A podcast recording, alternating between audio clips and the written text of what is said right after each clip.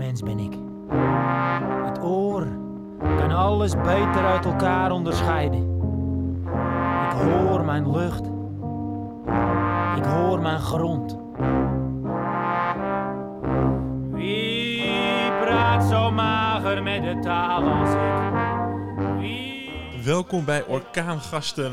Nummer 3 is het op eh, de Orkaan. Waarin ik deze zomer sowieso en misschien wel langer elke week praat met een zaankanter die ik wil leren kennen of beter wil leren kennen. Nou, ik ben in Westzaan. En als je hier door het dorp rijdt, zie je heel veel omgekeerde vlaggen. En dat zie je in Zaandam niet. Dus dat zie je echt het verschil. eh, drie minuten rijden van elkaar. Wat, er, eh, wat, een, wat een wereld van verschil je ziet. Het is een zonnige vrijdagochtend. En ik zit naast Simon Douw in Jongwijs. Een eh, pas geopende locatie, restaurant. Er zit een bakkertje in. Er komen bed and breakfasts. eh, gaan eh, volgende maand open. Of de komen ja, in augustus. Hè, dus als we dit horen, dan zijn ze eigenlijk al open. Ja, ehm, Simon. Dankjewel voor de koffie en de gastvrijheid. Dat ik Ja. iemand kon aanschuiven in het hartje van Westzaan. Hier is een nieuwe plek ontstaan. Ik wil straks ga ik, ga ik alles over jou vragen en hoe je bent gekomen tot wie je vandaag bent. Maar als ik zeg jongwijs, wat is dat? Wat is het voor jou? Wat, wat is jongwijs voor een plek voor jou? Nou, aan de oppervlakte is het een ongelooflijk mooi rijksmonument in Westzaan. Een van de mooiste die we denk ik hebben. Waar we een restaurant, picknicktuin, bakkerij, eh boutiquehotel eh, en een rouwkamer zijn gestart. Dat is het eerste wat je ziet. Maar daaronder zit eh, de missie en waar we voor staan als jongwijs. Er zit natuurlijk het woord jong in en het woord wijs. En dat komt omdat we tradities en toekomst willen samenbrengen. Dus wat mensen die dit horen natuurlijk niet zien, maar jij wel ziet, is het restaurant zelf is dus radicaal in tweeën gedeeld. En we hebben een hele lichte jongkant, dat zie je hier ook, met alleen maar hergebruikte, duurzame materialen. Een hele vegan menukaart. Het gaat allemaal over nieuwe dingen en hoe we de toekomst maken en behouden die we willen. En de andere kant van het restaurant, zie je daar, is donker, is echt Zaans, 17e eeuws, betimmerd, schilderijen die we hebben gemaakt. En dat gaat heel erg over tradities. En dat komt dus omdat we soms het idee hebben dat mensen of heel erg bezig zijn met de toekomst. Eh, Zwarte Piet moet weg, eh, je moet vegan eten en alles moet eigenlijk anders. En je hebt een groep mensen die heel wat meer traditioneel zijn. Die willen eigenlijk juist, hou nou die tradities vast. En wij denken, je hoeft niet te kiezen. Het, eh, het mooiste gebeurt er wanneer je weet waar je vandaan komt. En, eh, en ook nieuwsgierig bent naar die toekomst.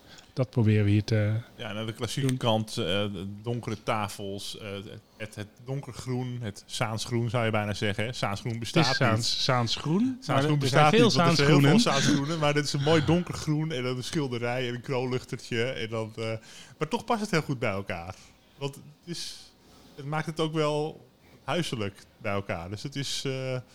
je wordt niet, eh, ik, ik was hier laatst eventjes zo bij de opening te kijken. Je krijgt niet gelijk een gespleten persoonlijkheid als je hier vandaan komt Nee, eh, na, een, eh, na een diner. Nee, en ik denk dat het ook wat te maken heeft, Edwin, terwijl die twee kanten van het restaurant radicaal anders zijn. De kaart is radicaal anders, hoe het eruit ziet is radicaal anders.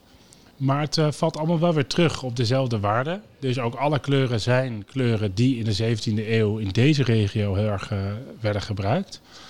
En eh, dat het zomaar lijkt te passen, zeggen mensen, is ook wel omdat die Zaanse kleuren waren ook heel erg op het landschap gebaseerd. Dus die 17e eeuw, de kleuren die gebruikt werden binnen en buiten, waren ook de kleuren waarvan toen schilders ook zeiden: hey, dit past gewoon bij het soort groen, het soort licht, het Ja. soort lucht wat, eh, wat in die Zaanstreek hoort. En het beeld dat wij nu hebben van die tijd wordt ook weer gevormd door die schilders. Want we hebben verder geen foto's of eh, filmbeelden Nee. van die tijd. Dus dan imiteert leven ook weer de kunst. Ja. En dat is de eeuwige discussie. Ja, ehm, en je zegt, een, eh, nou, er zit hier ook een, een bakker eh, binnen hè, eh, en, en een rouwkamer. Dus een, he- een hele verzameling van ondernemers, dus lokaal. Een rouwkamer, wat was daar de gedachte achter? Want Nou, wat, wat ik heel boeiend vind, is dat heel vaak. We zijn een beetje gewend om de dood buiten het leven te houden. Dat was vroeger niet zo. Hè? Vroeger eh, hadden mensen het over de dood. Was dat gewoon, gebeurde dat in de gemeenschap? Was dat heel openbaar? En nu stoppen we de dood vaak een beetje weg bij crematorium. Crematoria waar je heel ver eh, naartoe moet rijden. En daar ergens ver weg buiten onze a- industrieterrein, bij het ja. industrieterrein links of in dat park rechts. Daar is het, maar het is best wel buiten onze samenleving. En een van de mooiste ervaringen die ik had is met mijn moeder samen. Ik ben met mijn moeder eigenlijk jongwijs gestart, 2,5 jaar terug. En wij liepen ooit door Engeland, een lange wandelroute. En elke avond aten we bij de pub. Want dat is daar veel gebruikelijker dan hier. Dat je gewoon heel laagdrempelig de pub binnenwandelt. Even wat gaat drinken en eten. En daar komt ook iedereen in zo'n pub. Daar komen eh, jonge mensen, oude mensen, rijk, arm, alles door elkaar heen. Stad, platteland, alles komt gewoon naar de pub. Dat op zich vind ik al te gek. Want nu zie je in Nederland heel vaak dat in horeca, ja, of het is een hele hippe uh, koffietentje met alleen maar jonge creatieve juppen, of het is Ja. een bruine kroeg Ja. met alleen maar mensen van boven de 60. Ik bedoel, prima. Mm. Maar ik vind die pub zo geweldig, waar ze als vanzelf al, allemaal samenkomen. En op een van die avonden kwamen er, er stond letterlijk in één van de hoeken van de pub, stond letterlijk een kist. Wel een dichte kist, maar een kist met duidelijk een dierbare die was overleden. Mhm. En de familie daaromheen, die was letterlijk op de kist aan het proosten op het leven van die persoon die was overleden. En in de tegenovergestelde hoek, het was zo'n soort ruimte als waar we nu zitten, eh, zaten twee hele trotse ouders met een baby. En die waren net hun kind aan het laten zien aan hun vrienden en hun familie. In dezelfde pub, in dezelfde van ruimte. tot graf. Ja. En dat vonden wij zo mooi om te zien. En daardoor realiseerden we ons, jeetje, eh, een restaurant of een café van origine is gewoon een plek waar iedereen mag komen en waar alles van het leven welkom is. En dat zijn we misschien een beetje vergeten, dat soort ontmoetingsplekken. Dat het steeds meer moet zijn, alleen maar deze doelgroep mag netjes daar komen eten. En wij willen dat weer samenbrengen. Het ging ons wat te ver Ja. om ook in het restaurant de rouwkamer te doen. Dus even voor alle Ja, duidelijkheid, dat- dat de rouwkamer Dat- is een ander gebouwtje verderop op het terrein. Na- naast het eh, restaurant eigenlijk, eh, naast de steeg. Dus, en daar komt eh, moeder Nel ook eh, binnen, medeoprichter van eh Jongwijs. Hi Nel. die is ook al hard aan het werk om vanmiddag weer de gasten te ontvangen. Daarom hebben we in de ochtend afgesproken. Maar ja, ik zie dat ook al een verschil tussen Noord-Nederland en Zuid-Nederland. Waar in Zuid-Limburg, waar ik dan mensen ken en vrienden heb, waar het veel meer de huiskamer van het dorp is, waar iedereen elkaar smiddags ziet na het werk of dingen. En daar wordt ook al tussen de middag een eh, wijntje gedronken of een uh, trappistenbiertje gedronken. En dat is veel normaler. En ehm, ja, dat het veel meer een, een rol in het sociale verkeer inneemt Ja. dan alleen van nou, vrijdagmiddag doen we de vrijdagmiddagborrel en Ja. dan eh, zuipen we de, het, het weekend tegemoet. Ja, wij vinden het gewoon echt eh, heel leuk, Edwin. Als, ehm, als deze plek, en dat zien we dus, nou ja, je zag het al, denk ik, die keer dat jij bij de opening was. Dat je allerlei soorten mensen, leven, dood, alles bij elkaar. Dat is het eh, volle leven Ja. wat ons En dat betreft. vind ik ook mooi als er eh, van alles en nog wat qua leeftijden en afkomsten komt. Eh, in zo'n proef- proeflokaaltje zoals de Blacksmith, wat je in Zaandam hebt, heb je dat ook. Daar zit echt van jong van twintigers tot, tot zeventigers. En dat vind ik altijd heel bijzonder. Ja. En dat, eh, wat je zegt over die rouwkist doet me ook een beetje denken aan het lied van eh, de begrafenis van Manke Nelis. Ik weet niet of je dat kent. Ik was niet bij de begrafenis van Nee, nee, maar er is, er, is een lied, er, is een, er is een lied, dat heet De Begrafenis van Manke Nelis. En dan gaan ze met de, de kist eigenlijk nog één keer alle Ja. kroegen langs. Ah, En dan zetten ze hem op een gegeven moment onder het biljart. En dan gaan ze een partijtje biljarten. En dan gaan ze Ja. weer verder. En dan op een gegeven moment zegt iemand, we zijn, eh, we zijn Nelis vergeten. Die zit nog onder het biljart. ja. Dat ja, doet me een beetje denken aan de, de oude Jordaanese tijd dan. Dat je Ja. ook zo van, nou, Ja. een soort van, wat ook blijkbaar weer anders was. Heel grappig. Maar ik, ja, en ik heb eigenlijk het idee, en dat ontdekken we nu ook door de gasten die we zien, dat mensen er misschien ook wel eh, aan toe zijn om wat minder in hokjes te denken. Dus als je zo die kist noemt van die Mankenelis, dat toen we. Ik was bezig met Jordi Bennis, de uitvaartondernemer, die dus met ons die rouwkamer doen. Dat is van Bennis uitvaart. ja. En 2,5 jaar terug, toen we echt concreet aan het invullen waren, wat gaan we met deze plek doen? Want het is en een heel mooi groot rijksmonument en een hele grote tuin eromheen. Was eigenlijk de keuze, ook vanuit een gemeente bijvoorbeeld, qua bestemming. Ja, gaan we er nou richting die uitvaart of gaan we er een vrolijke plek van maken? We moeten kiezen. Terwijl wij juist denken, ah, verbind nou juist die dingen. Zoals je jong en oud verbindt. Eh, verbind nou ook leven en dood. Juist op de kruispunten van die dingen ontstaan de, de mooiste dingen. Ja, want was, wat was eh, zijn visie daar dan op? Want we hebben eh, in onze cultuur de dood is iets eh, ergs en dan moet je zo snel mogelijk afsluiten. Je hebt ook culturen waar de dood eigenlijk een soort, de begrafenis bijna een soort feestdag is, waarin je het leven viert van de overledene. En dat is, dat is een hele andere insteek. Dus wat was zijn, zijn visie daarop? met over Nou. die, op die, dat rouwen? Nou, precies dat het onderdeel is van het leven. En dat is voor Jordi is dat natuurlijk zo. Want hij is al tweede generatie begrafenisondernemer. Dus hij, echt, hij heeft tradities in zijn familie. Dat, dat vak zit al in zijn bloed. Dus voor hem is dat al heel normaal. En hij merkt natuurlijk ook dat mensen misschien meer dan een tijdje terug weer openstaan om, eh, om anders om te gaan met rouw. En dat, je, dat dat er gewoon bij hoort. Ja, mooi. En ik denk ook dat onze cultuur daar ook in verandert. Omdat mensen ook zeggen, nou, als ik, eh, ik hoor zo vaak eh, mensen zeggen, nou, als ik ga, dan eh, moet je een feest geven. Of dan moet je Ja. nog, met z'n allen even de kroeg induiken in plaats Ja. van zo'n plakje cake. Nou, tot mijn verrassing, ja. want dat, als, je zoiets, als je nieuwe dingen doet, is het altijd spannend van wordt het gesnapt en zo. Maar we hebben dus echt heel veel gasten gehad die hier lekker zijn komen eten afgelopen weken en in die tuin op het terras hebben gezeten en dan iets verderop eh, achter de planten dat kamer. Oh, wat gebeurt daar dan? Oh, en die gelijk zegt, dat wil ik wel. Dus ze reserveren daar ook gelijk een plekje. Ja, hoor.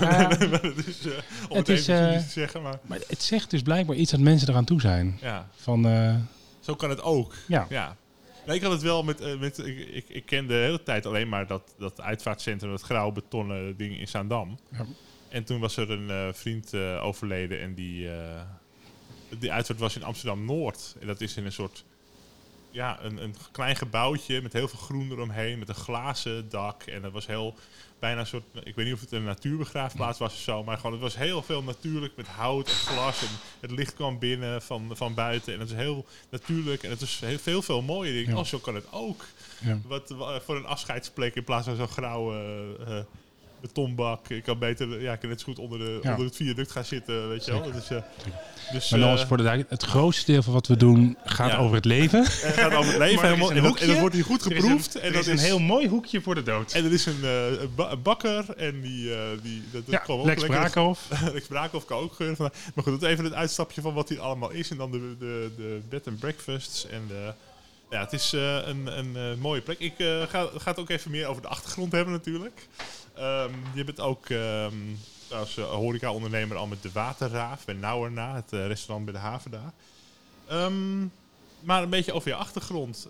want ja, je hebt natuurlijk hiervoor, je, hebt, je, doet allerlei dingen in je leven. En nu, ik kwam ook wat dingen tegen op je LinkedIn. En ik denk, hey, vind ik heel interessant. Dat wist ik helemaal niet, ook nog niet over je. Maar hoe oud ben je eigenlijk? Wat is je leeftijd? Dat is een eh, hele goede vraag. Dames mag je niet vragen, maar ze- heren ja, zeker, je mag het zeker vragen, alleen dan, dan kom je op mijn vergeetachtigheid. Ik denk 37. Vind je dat goed? 37. Vind je dat oké? kijk, 37? Dat, dat vind ik jong voor iemand die heel veel eh, onderneemt en heel veel, ja, 37, 30ers ondernemen natuurlijk wel, maar eh, iemand die zoveel onderneming al heeft en zoveel verschillende dingen doet. Dus ik vraag me dan een beetje af waar die drive vandaan komt. Was je als, als kind of als, als, als, als jongere al zo ondernemend bezig? En met, had je al allerlei ideeën? Of? Ja, ik denk het wel. Dus ik heb van jongs af aan dat ik het gewoon heel leuk vind om te zoeken naar wat gebeurt er in de wereld eh, en wat lukt er nog niet. En in plaats van daarover in zak en as te zitten, te kijken of je een beginnetje kan maken met het oplossen. Dat vind ik gewoon ongelooflijk leuk. Dus toen ik heel, nou dat ik tien was of zo, toen had ik mijn eerste mini-ondernemingje dat ik door had dat in de buurt er oudjes waren die hun auto niet meer konden wassen. Dat er, dat er geen invulling aan werd gegeven. En dan had ik al een soort mini-bedrijfje met een ongelooflijk lelijke naam The Message. Ik weet niet eens meer waar het vandaan kwam. Maar het moest Engels, want toen ik tien was, was dat cool. Autowasserij, de Ja, message. Dus toen ging ik door de buurt om, eh, om klusjes te doen en eh, vriendjes kwamen ook eh, meehelpen. En toen ik 16 was, startte ik met een vriendje en eh, was mijn eerste mini horeca onderneming Broodjes Da, ook weer zo'n lelijke naam. Eh, die namen zijn wel iets beter geworden, vind Ja. ik. Dan, maar, maar dat begon met Broodjes Da. En toen eh, startten we een broodjeszaak op onze school. En steeds meer klasgenoten gingen meesmeren. Dus het was een grote school met ruim duizend leerlingen. Die kwamen elke pauze broodjes halen Waar stond de school? in eh Horen. In Horen ben je opgegroeid. Ja, ik ben in ja. Horen opgegroeid. En dat was zo leuk dat we... Ken je, ken je nog de tweede fase? Zegt dat je nog wat van die tijd? Ehm, Zo'n nieuw school- schoolsysteem? schoolsysteem, hè? Ja, en ik dat, niet. daar, het is ook wel een truc als ondernemer om een beetje de gaten in de, de regels te vinden. En in dat nieuwe systeem had je toen banduren. En dat is dus een uurtje per dag dat eh, scholieren iets moesten doen voor hun ontwikkeling. En wij ontdekten dat broodjes smeren is best wel goed voor je ontwikkeling. Dus wij hadden ook op een gegeven moment twintig smeerders gewoon in elke dag. Die alle broodjes gingen smeren. Dus we gingen toen ook in de hele omgeving de bejaardenhuizen van broodjes voorzien. Dus zo, Oh, zo. zo zijn we Oh, gaan eh, leuk. En, eh, ondernemen. en, eh, En die konden er dan ook weer een centje bij verdienen Ja. door een uurtje te smeren. Ja. Oh ja. En konden dus een deel van hun schoollast afvinken.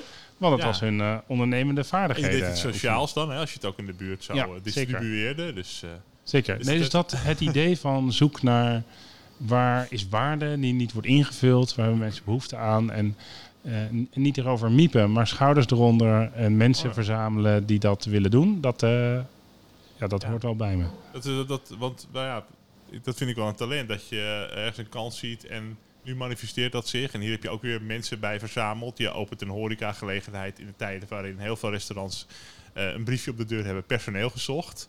Maar je hebt toch personeel eh, gevonden wat hier, dat, dat hier rondloopt. Is dat ook met een andere insteek dan dat je mensen weet te vinden? Of hoe, hoe, je Ja, dat? ik denk dat we. Organisatorisch? Eh, nou, wat er, ik denk dat dat we heel erg zitten in proberen dingen te doen waar mensen zich toe aangetrokken voelen. Ehm, dus wij zijn de Waterraaf notabene gestart midden in een lockdown. Ik bedoel, hoe Mhm. gek kun je eigenlijk zijn? Het was gewoon lockdown. En toen hebben we een heel havenrestaurant overgenomen. Ehm, en binnen twee maanden hadden we twintig man personeel of zo. En ik denk dat dat wel eh, kwam omdat we er echt eh, met ons hart in zitten.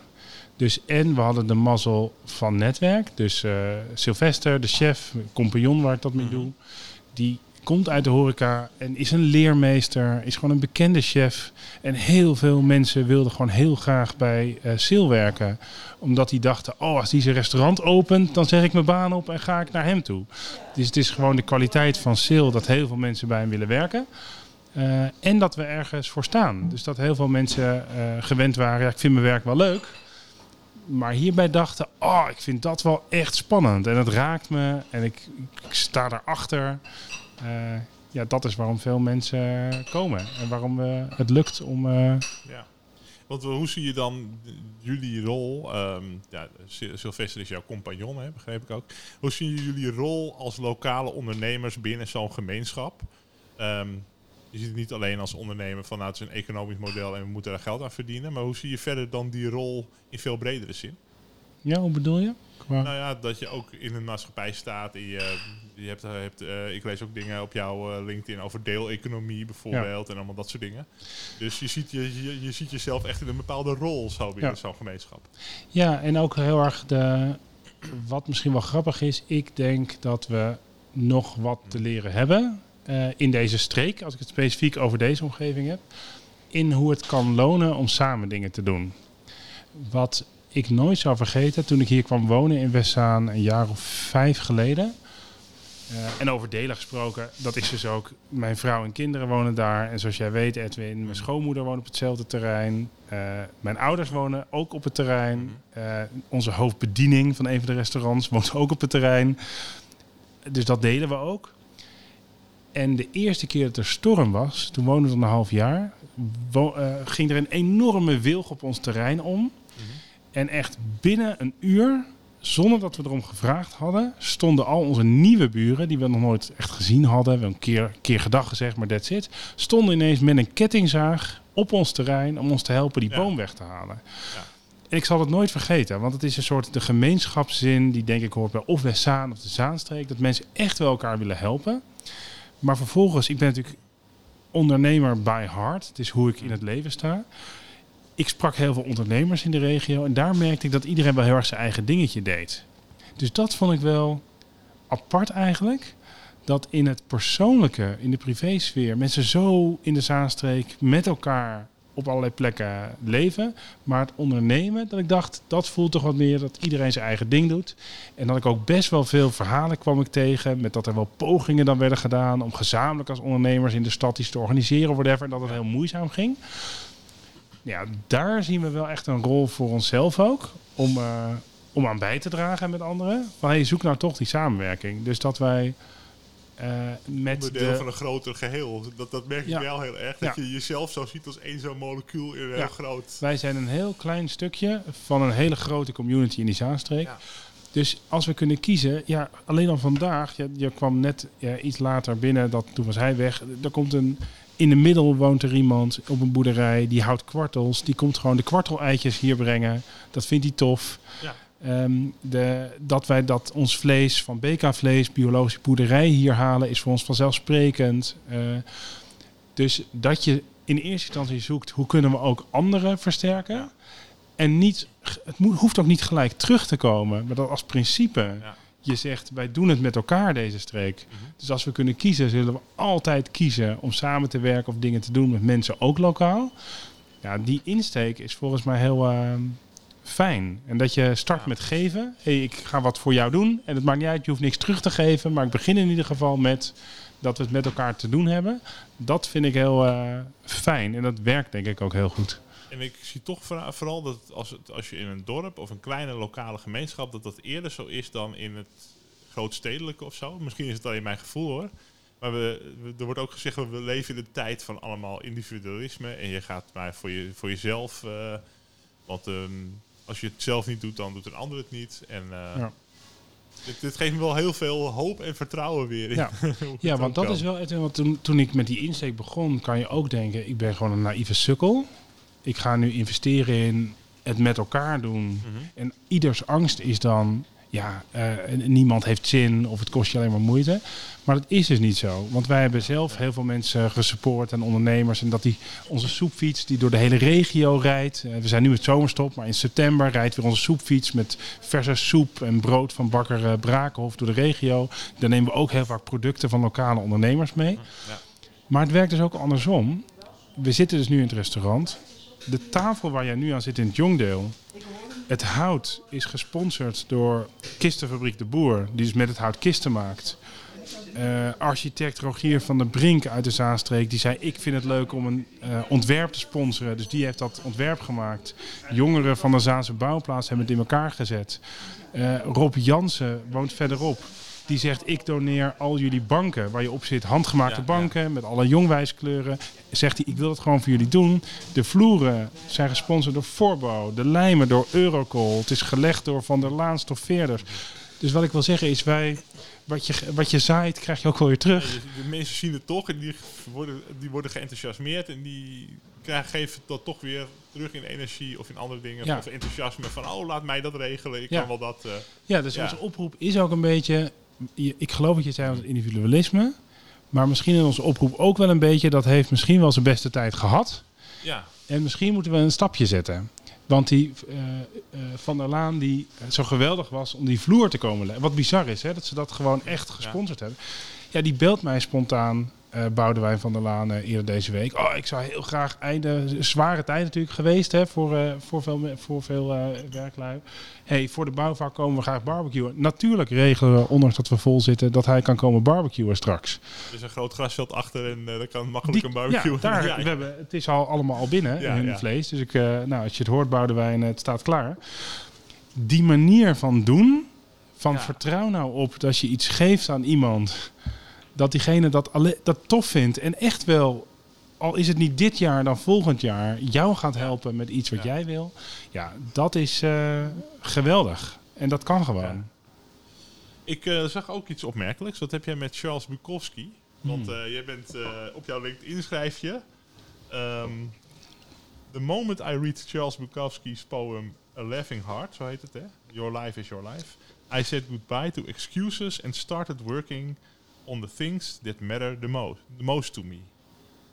Dus je bent heel erg geraakt door dat gedicht ooit. Uh, ik, dat, dat, dat intrigeerde me wel. Van hé, hey, wat heb je dat? Ik heb het gedicht ook gelezen. Wat, wat, wat, wat deed het voor jou? Nou, het is dat gedicht.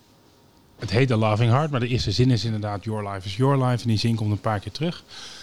Het gaat heel erg over, uh, denk ik, dat je in je leven kan, uh, kan je van alles tegenkomen. En er kan van alles je overkomen. Dus ik snap ook heel goed, dat heb ik ook soms, van hé, hey, uh, ik, uh, ik doe maar gewoon wat me overkomt. En ik, ik kan even een tijdje niet zo, zo echt richting geven aan mijn leven. Of ik heb het niet echt in de hand. Dat snap ik heel goed. Maar het gedicht zegt eigenlijk, uiteindelijk is het wel jouw leven. Dus moet iedereen zelf proberen er wat van te maken. Uh, en dat geeft mij heel veel energie. En dat maakt ook al die dingen die we doen. Komt ook omdat ik denk, ja, ik moet het toch zelf doen in dit leven in eerste instantie. Als ik uh, een prachtig restaurant wil, dan moet ik wel, als ik dat tien jaar tegen mezelf zeg, dan moet ik het op een gegeven moment gewoon gaan doen. Want het is mijn leven. Ja. En eh, gaan we die men aan. Dus die, eh, ja, dat gedicht is wel van maak nou het leven wat je voor ogen hebt. En de kaarten worden geschud en die krijgt iedereen eh, weer op een andere manier eh, toegereikt. Maar daar moet je het zelf mee doen. Ja, Ja, ja dat ik vind altijd wel, dat ja. geeft wel, dat nodigt je toch uit. Dat is, ik vind een hele hoopvolle boodschap. Eh, ja, en soms lukt het niet. Ik bedoel, hoort erbij. Maar eh own je leven nou. ja. Neem verantwoordelijkheid. Als je een droom hebt, ga er maar achteraan. Als je geen droom hebt, ook prima. Doe dat dan. ja als de droom is gewoon niks doen, lekker niks doen. Dan, Ja. dan, dan is het. eh, Ja, moet je ook maar own dan dat dan. Zeur je dan, niet, zeur je- dan niet over dat je niks doet. Nee, maar dan moet je ook de, de omstandigheden eh, voor scheppen dat dat niks doen zo comfortabel mogelijk is. dus ook weer moet, je, moet je toch weer even wat eh, plannetjes verzinnen. Ja, nou, wat goed zeg. En, ehm, en ik las ook dat jij een achtergrond hebt in de crowdfunding. Ja. Een soort crowdfunding guru in Nederland. Hoe is, dat, eh, hoe is dat ooit ontstaan? Heb- je zelf eh, een van de eerste crowdfundings gedaan in Nederland? Of, Ja, de, ehm, toen de economische crisis meer dan tien jaar geleden om zich heen greep. want Toen was ik 2008, met 9 een, zo'n eh, beetje. Ja, ja, iets eerder waren we al 2006, 2007. Toen zagen we het al een beetje aankomen. En toen, in mijn studietijd was dat, ben ik met vrienden Crowdabout Now gestart. En Crowdabout Now was eigenlijk het eerste crowdfunding platform van Europa.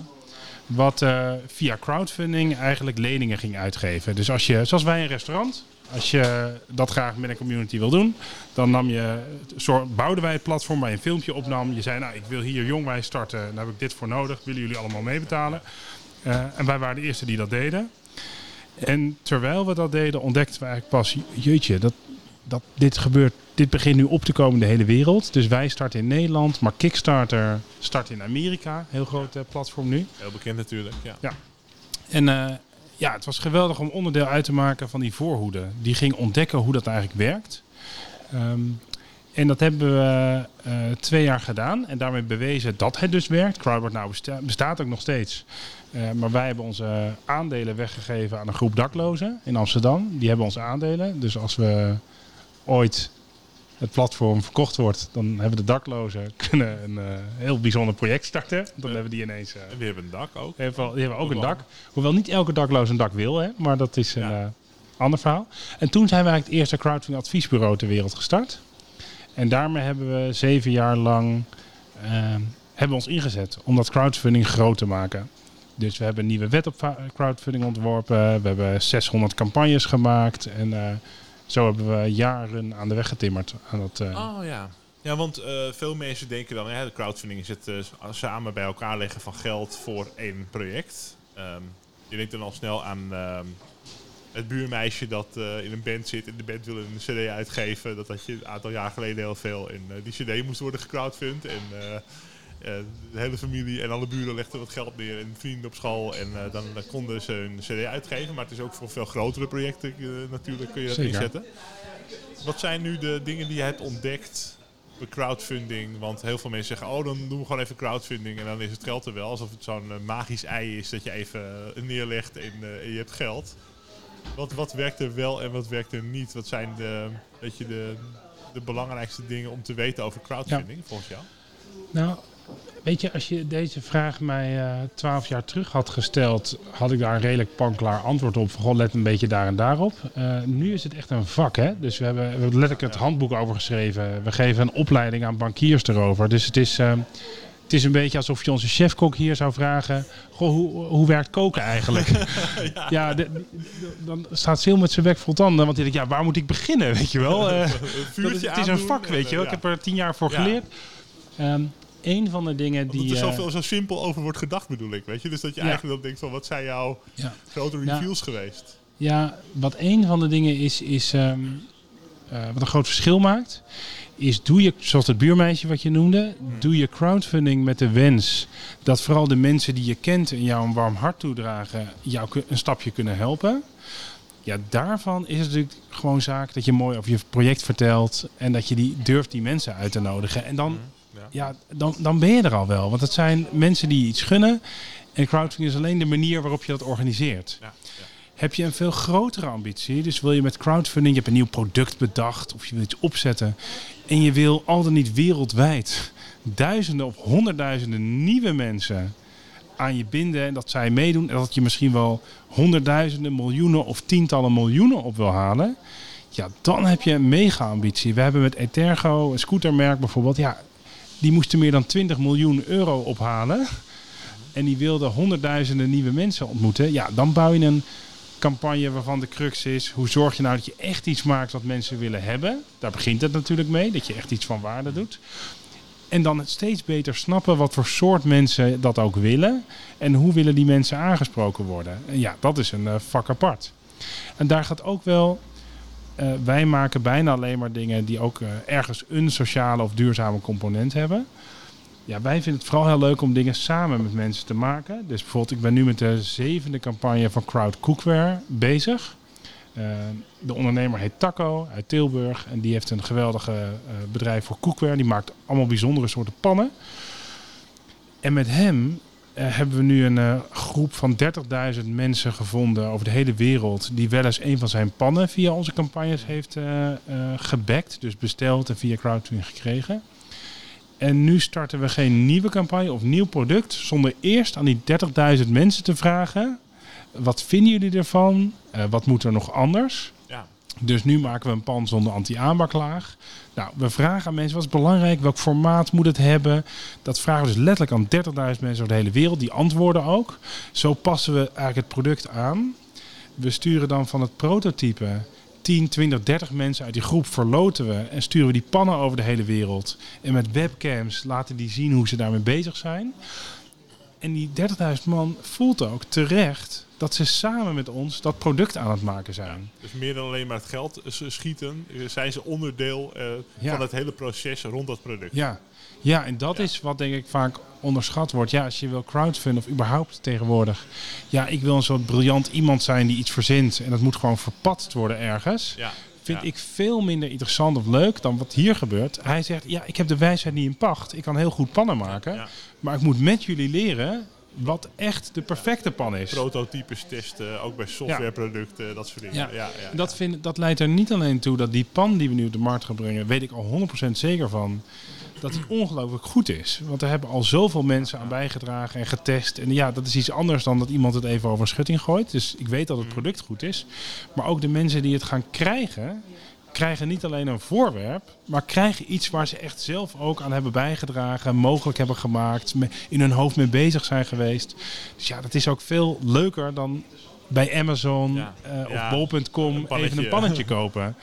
En uh, ja, dat is natuurlijk. Uh, dat is ook, ook een onder, uh, wat de evolutie binnen dat crowdfunding heeft gebracht. Ooit is het gewoon bedacht van, we hebben internet en dan kunnen we een platformpje en een inzameling. En ja. is veel meer ook richting dat mee, uh, ja. crowd crowd ja, producing of zo. Dus je als een ja, crowd... En Edwin, dat, dat, dat, dat, zagen wij... Uh, wij waren super nieuw hè, toen we startten. Wij dachten gewoon, dit is een soort uh, financieringstool. Uh, we zagen in die crisis vrienden van ons die bedrijfjes wilden starten... die kregen alleen maar meer nees van banken. Dus wij dachten, wat stom dat goede ideeën niet meer kunnen. Misschien kan er zo geld vrijkomen voor onze vrienden. Dat is echt letterlijk hoe we gestart zijn. En wat ik nooit zal vergeten, is een van de eerste campagnes die we deden. Dus, en ook de eerste horeca crowdfunding van Nederland. Was met Bar Oldenhof in Amsterdam. Uh, Dwight, de eigenaar is dat, Dwight Oldenhof. Hij ging dus de kroeg financieren. Had gewoon een uh, gaatje in zijn begroting van 60.000 euro. Wat hij met crowdfunding wilde doen. Nou, nou we gingen we proberen. Hè? Kinderschoenen crowdfunding. Dus toen gingen we gewoon proberen. Nu weten we hoe het werkt. Maar toen ja, waren we dat uitvinden. En ik zal nooit vergeten dat hij zijn opening had na zijn campagne. En we kwamen daar met hem en het was in de Jordaan. En de hele straat stond vol met mensen. En het eerste wat Dwight zei was: Ah oh shit, we hebben onze opening gepland op een verkeerd moment. Want er is blijkbaar iets anders. Dus ja, dat, dat levert reis en parkeerproblemen op, weet ik veel wat. Dus wij vragen aan even die gasten: Oh ja, wat, wat is er? We hebben het gemist. Ja, de opening van onze bar. Welke ja, bar dan? Bar Oldenhof. Ja. Wat bleek, die paar honderd investeerders en dat, soms is dat 10 euro maar. Hè. Er waren mensen die 10 euro hadden geïnvesteerd. Er waren mensen die 1000 euro hadden geïnvesteerd of 2000. En die hadden de ervaring. En terecht ook. Dit is onze kroeg. Dus voordat dat ding überhaupt open was, was Ja. het al de stamkroeg van heel veel Ja, want je mensen. hebt eh, eh, feitelijk eigenaarschap, maar je hebt ook emotioneel eigenaarschap. En dat krijg je dan als je zo dicht erbij betrokken bent. Ik heb ook merken waar ik emotioneel eigenaar van ben, voor mijn gevoel. Ja. Of het nou mijn favoriete filmserie is of, of eh, mijn, inderdaad mijn, mijn stamkroegje in de stad. Ja. Daar, daar wil je onderdeel van zijn. Ja. En je voelt je als onderdeel daarvan. ehm, ja. Ja. En dat, heeft, dat moment heeft ons toen echt overweldigd. Want nogmaals, we waren echt best wel naïef. Daar waar wij dachten, oh, we hebben een soort nieuw financieringsinstrument gemaakt. Handig in een tijd van crisis. Eh, ga- gaf het ineens een andere blik op wat jij eerder zei vandaag. Namelijk dat individualisme. Dat mensen heel erg hoppen van merk naar merk, van plek naar plek. En dat we nu ineens dachten, jeetje, dit maakt dat mensen zich ontzettend, en ook, het is ook waar, eh, deel zijn van eh, dit nieuwe plan. En dat is gaaf, want dit is dan niet alleen een antwoord op financiering van iemand, van een ondernemer. Het is ook een antwoord op hoe doen we weer meer dingen samen in plaats van iedereen in zijn eentje. En dat, eh, dat heeft onze ogen geopend. En eh, ja, daarom zijn we al meer dan tien jaar met crowdfunding bezig. Om dat te doen, de betrokkenheid van mensen te organiseren. Waar haal je alle energie vandaan? Want je, er zijn zoveel dingen bezig. Hoe laat sta je op 's morgens? Eh, Nou, dat heb ik te danken aan mijn kinderen. Het, eh, als ook supporters eh, van... eh, ja, nee, dus eh, mijn kinderen maken dat mijn dag om eh, tussen vijf en zes start. echt waar, zo vroeg? Ja. Ja, man, die, ja, die gasten hebben ook heel veel energie, blijkt. Nee, dus die eh, tussen vijf en zes. En eh, nee, ik slaap niet heel veel. Eh, maar ik haal de energie heel erg uit wat we doen. Ja, dat kan dus ook. Maar dan En heb je vooral aan vier, aan, aan vier, vijf uurtjes slaap heb je... nou, ik denk, vijf red ik wel hoor, meestal. Ja. Nee, dat, dat moet ook wel. En je bent ook wel iemand die altijd een paar stappen vooruit denkt. Dus je bent nu met de crowdfunding bezig en de, de, de restaurants en in Jongwijs. Wat zijn je... Waar ben je over twee jaar of over vijf jaar mee bezig? Heb je er ook al een beeld van? eh, naast Ja. alles wat je nu al doet? Ja, goeie. De, ehm, eh, ja, best wel veel dingen. Dus die eh jongwijs en de waterhaaf en de soepfiets. Dat is ontzettend fijn dat dat ons eigenlijk in relatief korte tijd is gelukt dat het er is in ieder geval. Maar ja, eh Sil en ik en mijn moeder, we zeggen ook tegen elkaar, eh, over twee jaar zijn we er pas echt. Want we hebben nog zoveel ideeën met de plek ehm, eh, waar we nog een paar jaar voor nodig gaan hebben. Dus ik ben ook wel in die zin, Ja. eh, bescheidenheid past ons. We zijn ook net begonnen. Ja, dat Dus is hij- ook zo. Het is net de, je ruikt de nieuwheid van de verf hier nog Ja. op, de, op de muur. Ja, Eh, dus, wat is dan je droombeeld waar, waar, Ja, waar Jongwijs over een paar jaar ja, staat? nou, er zijn, we hebben wel honderd droombeelden nog. Maar een van de dingen waar we gisteren bijvoorbeeld mee bezig waren, wat me zo vet lijkt, is nu is het dus al zo dat eh, onze menukaart uit jong en wijs bestaat. En dat ook de wijskant laat ons echt inspireren door de oude traditionele gerechten, ook uit de 17e eeuw. Dus zeker, we Oh, werken met jagers ook samen. En die brengen ons letterlijk de ganzen van het land hier, de reeën van iets verderop. Ja? En dat wordt helemaal from scratch in onze keuken weer verwerkt. Dus echt die ambachtelijke wijze technieken, die, die zijn er al heel erg. Ook omdat onze chef Sil ook een expert is op het gebied van wildbereiding. Maar wat me helemaal te gek lijkt, Edwin, is als we hier ook echt 17e eeuwse banketten op een gegeven moment kunnen doen. Oh, dus dat je ja. echt dat wat je in het museum ziet van eh, hoe in de 17e eeuw zo'n hele tafel vol met ambachtelijke producten, de ambachtelijke taart, de kazen. Nou, als we een lokaal netwerk kunnen bouwen waar we best al een eindje in zijn, dat er uit die Zaanstreek de lekkerste dingen uit de omgeving gecombineerd worden, echt tot zo'n heel banket 17e eeuw. Ja, dat is natuurlijk Veel mensen zijn bezig met die streekproducten of dat ambachtelijke. Hè? Dat zie je ook eigenlijk eh, de afgelopen tien jaar heel veel eh, terugkomen. toenemen. Ja. Ja. Oh, dat is wel eh, mooi dat je het nog meer... ja, want ik sprak eh, bij de opening ook... eh, ik ben zijn naam even kwijt, maar die doet dan... Die heeft voor mij ook meegeholpen hier. Die doet... eh, is ook gespecialiseerd in ambachtelijke houtbouw, in de oude Saanse houtbouw en dat soort dingen. Ik weet even zijn naam niet meer. ja, het zou Rogier kunnen zijn of Bouke. Of, Of, Bouke of Bas? Of wat is het? Nou, in ieder geval. maar dat, dat, zijn dan van die, die specialistische kennis over streekproducten of over inderdaad Saanse houtbouw. En dat kun je hier laten terugkomen. Ja, ja. zeker. En wat je zegt klopt. Dus in de... Voornamelijk er is Bouke, meer, ja, dat je de, die Ja. naam... Ja. Ja, nee, zou kunnen. Die, ehm, Nee, die, het is wel grappig. Die, ja, ik denk dat Bouke, Bouke Koopmans. En hij is dus meester timmerman. Dus dat weet niet. Ja, je woont ja. gewoon in Westzaan. En eh, Ja, dat, dat, was hem. Ja, zevende op de wereldkampioenschappen houtbouw in Amerika. Dus het is een van de beste timmermannen gewoon ter wereld. En die heeft onze bar overigens ook gemaakt. Dus hij heeft eh, de bar die je ziet, heeft dus een jongkant. Wat heel erg verwijst naar moderne vormen, moderne materialen. Maar de wijskant is met een oude. Daar zitten allemaal kasten in verwerkt van eh 100 jaar geleden. Die ik van iemand uit Zandam kreeg. Een heel oud stel, bejaard Oh echtpaar, 80 plus. Die gaf ons antieke kasten. En daar heeft Bouke een bar van details gemaakt. en het zijn koperen handvaten. Of, Ja. eh, ja. Ja, en al die eh, details. En de tap die je vanaf waar jij zit, denk ik, kan zien, is meer dan 150 jaar oud. Is de oudste tap mogelijk van de Zaanstreek. Want die stond eh, vroeger in de Zaanse herberg, de tap. Oh. Eh, en die eh, is dus van koper. En dat heeft Bouke helemaal gemaakt. Maar wat ik wou zeggen is dat die, die ambachtelijkheid, mensen hebben meer interesse. En ook hebben nog echt een weg te gaan in het behoud van die expertise. Dus wat ik net zei over ja, dat wij echt weer echt het wild op tafel zetten. Van, van ree tot, wat zei ik net, ganzen. Ja, er zijn niet zo heel veel chefs meer die echt die technieken beheersen. Dus wat we ook ontzettend leuk vinden, we zijn ook een erkend leerbedrijf.